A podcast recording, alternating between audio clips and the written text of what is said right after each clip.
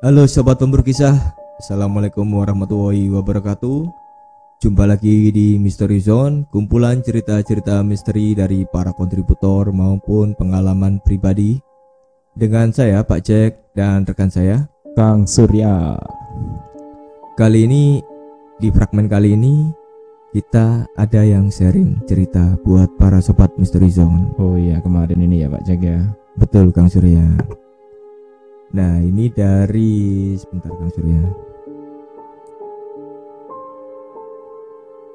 Ini dari Mas Santoso. Bap Bapak atau Mas ini? Kalau dilihat dari setting ceritanya mungkin kita panggil Om aja ya. Oh iya Om Om oke Om Om Santoso. Oke oke. Om Santoso ini bercerita tentang masa kecilnya dulu di mana dia punya pengalaman mistis atau pengalaman horor ya. Dan kayaknya ini seru kalau dibawakan oleh Kang Surya. Oke oke Pak Jack. Eh kalau gitu bisa dimulai aja Kang Surya ceritanya dari Om Santoso ini. Langsung ya. Mm. Oke. Jadi ini ceritanya eh, kira-kira dari oh ya kira-kira ini sekitar tahun 80-an ini Pak Jack ya kalau dari ceritanya Om Santoso ini ya. Hmm, betul. Jadi mungkin bercerita tentang kejadian di masa kecil beliau. Nah, dengan setting tahun segitu saya mungkin kalau saya coba membayangkan ya di masa itu mungkin ya apa ya kalau malam hari pasti suasananya sepi, gelap dan juga apa ya ibaratnya itu serem lah kalau saya bayangkan ini. Betul. Dan ini Om Santoso ini bercerita tentang aktivitas di malam terang bulan. Mm-mm. Ya mungkin pada tahun-tahun seperti itu pencahayaan dari lampu mungkin masih minim ya, Terbatas. masih terbatas. Jadi anak-anak itu suka sekali kalau terang bulan atau Kesempatan, padang bulan. ya, itu kesempatan untuk bermain. Untuk bermain. Mm-mm. Oke, jadi ya ini settingnya pas lagi terang bulan. Jadi mungkin waktu itu kalau dilihat di sini ya biasanya kalau zaman saya sih anak-anak seusia itu ya kalau malam terang bulan sih ya keluar beraktivitas main Hmm. bareng-bareng. Cuman ini mungkin sepertinya main bareng-barengnya lebih seru lagi ini. Langsung Hmm. kita bawakan aja Pak Jack ya. Lagi Kang Surya. Oke. Jadi pada waktu itu pas lagi malam terang bulan, Om Santoso ini biasanya bermain dengan teman-temannya gitu. Jadi sampai mulai dari habis isak mungkin sampai larut malam itu bisa terusan bermain. Nah, zaman segitu permainan yang lagi populer oleh Om Santoso dan teman-temannya ini bermain kelereng, bermain gundu waktu itu. Kalau istilahnya di Jawa Timur kan kelereng ya. Nah, mungkin kalau zaman kita dulu itu kalau seusia saya sih ya main kelereng sih biasanya sih siang atau sore gitu karena mungkin lebih seru. Tapi ini waktu itu karena terang bulan mungkin keseruannya berbeda. Jadi pas malam-malam main kelereng. Nah ceritanya waktu itu di zaman lagi musim kelereng di anak-anak seusia Om Santoso itu mereka sudah dari sore hari itu janjian untuk bermain kelereng pada malam harinya. Karena dengan terang bulan mereka mungkin bisa mendapatkan apa ya cahaya. Jadi bisa menikmati permainan sampai larut tanpa terganggu. Mungkin kalau bermain siang keburu nanti sore mengaji terus bermain sore juga keburu maghrib disuruh pulang jadi mereka pun memutuskan untuk bermain pada malam hari waktu terang bulan. Nah kemudian ini diceritakan juga lokasi bermainnya ini mengambil tempat di salah satu halaman apa ya halaman samping rumah tetangganya Om Santoso yang katanya memang masih luas.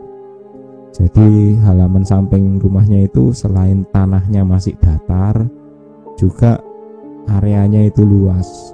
Jadi ya mungkin di bermain di halaman seperti itu mereka lebih leluasa ya kalau bermain kelereng. Mungkin ya membuat lubangnya juga mudah, tanahnya yang datar itu juga untuk bermain kelereng itu cocok sekali. Terus juga eh, mungkin jauh dari apa ya jangkauan kalau jalan raya kan mungkin berbahaya zaman-zaman anak-anak gitu. Nah, dipilihlah di halaman samping rumah tetangganya mereka. Walaupun dari awal sih ada juga yang bilang jangan di situ, di situ tempatnya ada hantunya. Nah, tapi karena mereka berpikir terang bulan itu mana mungkin sih hantu muncul di terang bulan kan cahayanya lumayan terang mereka pun tidak ada takutnya sama sekali akhirnya mereka pun sudah janjian dari sore hari sepakat untuk bermain di lokasi yang ditentukan nah ketika Om Santoso waktu itu apa habis mengaji gitu. Mereka sudah planning habis mengaji mungkin langsung bermain lah. Nah, di sela-sela ngaji sama teman-temannya ini katanya ada desas-desus bahwa ada dua anak dari kampung sebelah yaitu teman-temannya Om Santoso juga katanya teman-teman sekolah SD katanya itu mau ikutan. Wah akhirnya teman-teman yang lagi mengaji itu lagi siap-siap untuk pertandingan malam nanti. Langsung sumringah. Karena dua teman kampung sebelah ini yang satu sekolah dengan mereka ini ibaratnya itu jago atau maestronya bermain kelereng. Jadi apa ya bisa dibilang eh, jagoan lah eh, ahlinya lah raja atau gimana gitu. Kalau main mesti menang dan kalau nembak itu mesti jitu mesti kena nah akhirnya waktu mereka mengaji pun apa ya konsentrasinya itu terpikir akan pertandingan malam ini gitu. Sampai akhirnya adzan isya mereka semua habis jamaah di apa di surau itu pulang dari surau langsung bergegas anak-anak ini menuju lapangan atau halaman samping tetangganya Santoso yang sudah ditentukan untuk tempat pertandingan. Nah, apalagi malam itu bulan bersinar sangat terang jadi keraguan mereka terus eh, mereka juga nggak takut lagi karena cahaya sudah cukup terang dan mereka pun bisa bermain dengan enak kalau dengan cahaya bulan yang seterang ini apalagi ketika sudah sampai di tempat yang ditentukan dua teman Om Santoso ini ternyata sudah menunggu di sana. Nah, akhirnya mereka pun langsung sepakat ya sudah kita semua yang tanding ini semua tanding apa berapa orang ini yang main kelereng ini? Ternyata rata-rata mereka yang berkumpul di situ semuanya pada bawa kelereng. Jadi ya mungkin Om Santoso katanya di dua sakunya itu sudah penuh dengan butiran-butiran kelereng. Terus dua temannya ini juga katanya bawa apa bawa kelereng juga satu kantong penuh gitu. Wah ini pasti akan menjadi pertarungan yang seru gitu permainan yang akan menarik. Akhirnya berangkatlah anak-anak ini mulai membuat area permainan apa yang akan mereka pertandingkan. Nah akhirnya mereka pun sepakat untuk bermain bersama dengan apa ya kalau bahasanya mungkin taruhan kelereng sebanyak-banyaknya. Permainan pun segera dimulai dan sudah bisa ditebak memang. Rata-rata Om Santoso dan teman-temannya kalah terus. Dua temannya ini yang memang jagoan ini selalu bisa memenangkan sedikit demi sedikit pertandingan. Akhirnya malam pun semakin larut dan apa kalau sudah terlalu lama kadang-kadang ada rasa capek tapi juga keseruan itu semakin tinggi. Karena dua temannya ini yang sudah tak terkalahkan ini otomatis kelereng-kelereng mereka yang bawa tadi kan lebih banyak kalah dan di, dimiliki oleh mereka. Akhirnya dua orang ini sepakat apa ya akan bertanding habis-habisan malam ini juga sampai kelereng penghabisan katanya wah ini bakal jadi seru. Jadi teman-teman Om Santoso yang tadinya sudah kalah terus kehabisan kelereng ya mau pulang pun juga ragu. Karena ingin menonton pertandingan dua orang yang memang sama-sama jago ini. Jadi ya ibarat kata kalau pertandingan ini berlangsung ini bakal jadi pertandingan legend lah katanya. Pertandingan paling menjadi buah bibir di zaman mereka waktu itu. Jadi kelereng yang sudah terkumpul itu katanya Om Santoso sudah apa ya sudah hampir satu kaleng biskuit penuh kelereng yang terkumpul malam itu dan itu dipertaruhkan oleh dua orang jagoan ini. Nah akhirnya dimulailah permainan itu. Jadi permainan itu mempertaruhkan kelereng sebanyak itu dengan dengan pertandingan katanya menaruh sebagian kelereng di dalam lingkaran dan bagaimana mengeluarkan siapa yang paling banyak menembak dengan mengeluarkan kelereng itu dari garis lingkaran dia yang menang. Yang menghabiskan semua itu paling banyak. Nah ketika dua orang ini bermain Om Santoso dan satu orang teman lagi jadi juri sisanya itu teman-teman itu berkeliling. Nah karena semakin larut otomatis keramaian anak-anak bermain kelereng ini kan apa ya menjadi suasana malam yang hening itu jadi ramai jadi semarak. Ya akhirnya mereka pun juga apa ya merasa area itu seolah-olah milik mereka sendiri mereka tidak peduli lagi jadi. Akhirnya permainan pun dimulai.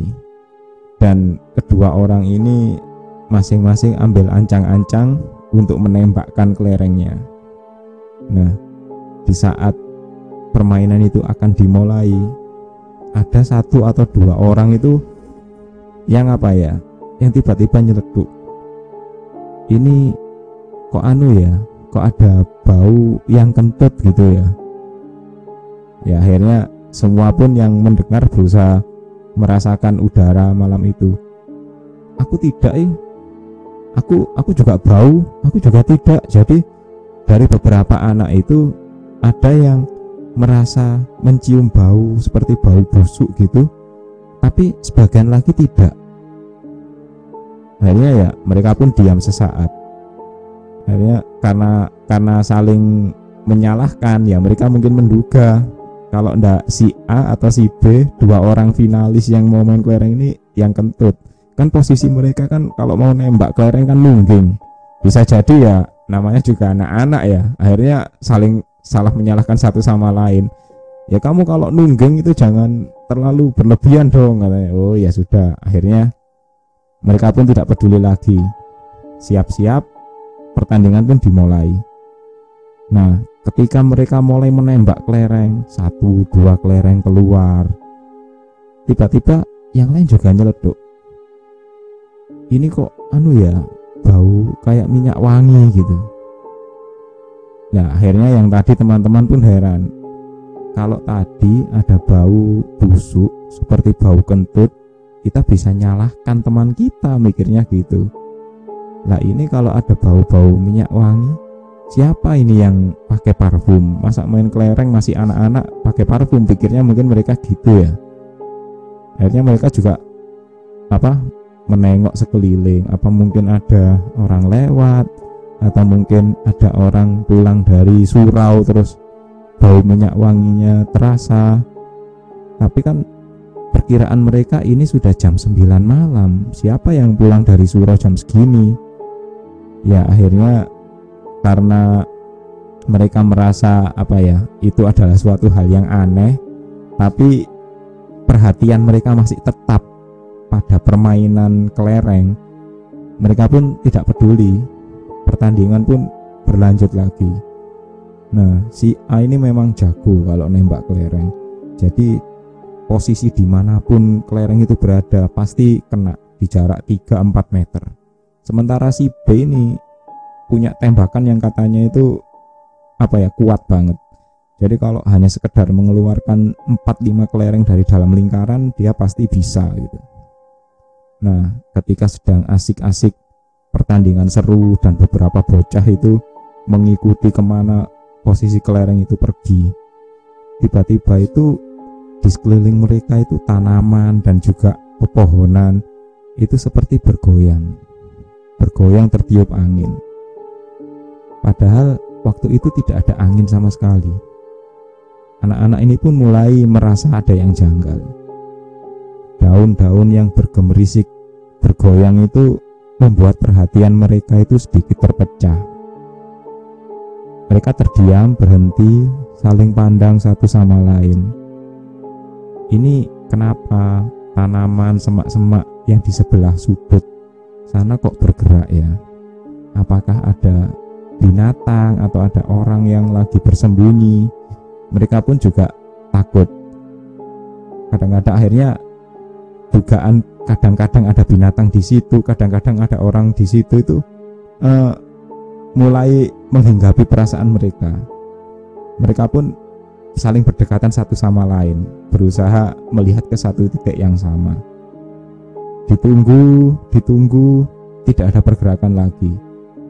Mereka pun saling pandang, saling pandang bukan karena takut. Bisa jadi ya antara apakah kita lanjut, apa kita berhenti. Namun karena pertandingan sudah mencapai seru-serunya, akhirnya ya Om Santoso dan teman lain ya sudah lanjut saja. Paling sebentar lagi kita selesai kita pulang. Ya mungkin apa kita takut karena ada angin atau ada apa gitu. Akhirnya mereka pun ya sudah kita lanjut lagi. Mulailah mereka lanjut. Baru hendak menyelesaikan pertandingan dari rumah tetangga itu seperti ada benda jatuh. Tapi benda jatuh itu bukan benda seperti buah atau apa, seperti kelereng yang membentur genteng-genteng rumah. Jadi kelontak kelontak kelontak terus jatuh, menggelinding jatuh. Dan itu bukan satu atau dua, tapi beruntun. Bocah-bocah ini pun terdiam. Bagaimana bisa seperti ini? Siapa yang melempar batu? Mereka pun saling lihat satu sama lain. Dan salah satu teman Om Santoso yang bagian jadi juri, dia itu posisinya kan di belakang, menjaga apa ya, menjaga kelereng taruhan itu. Dia hanya bilang, siapa yang ngambil kelereng? Kok tinggal segini katanya. Akhirnya anak-anak itu pun berhenti mereka berjalan menuju ke teman Om Santoso yang bagian megang kaleng yang isinya kelereng buat taruhan malam itu. Dilihat memang jumlahnya berkurang.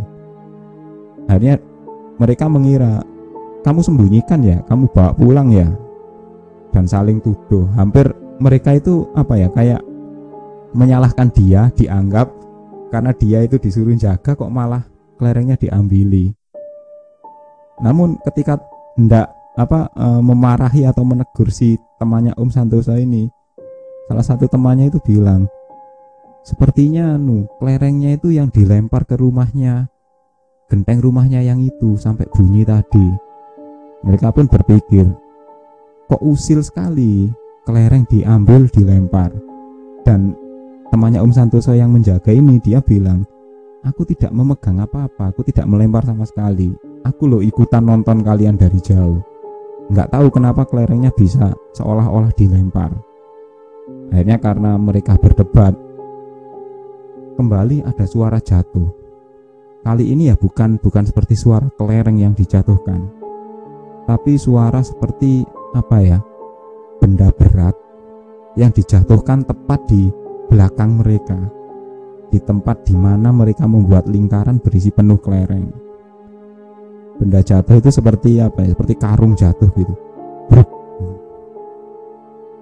Anak-anak yang tadinya berdebat satu sama lain dan bergumul di satu titik tempat menyimpan kelereng semuanya langsung menoleh ke belakang ke tengah lapangan.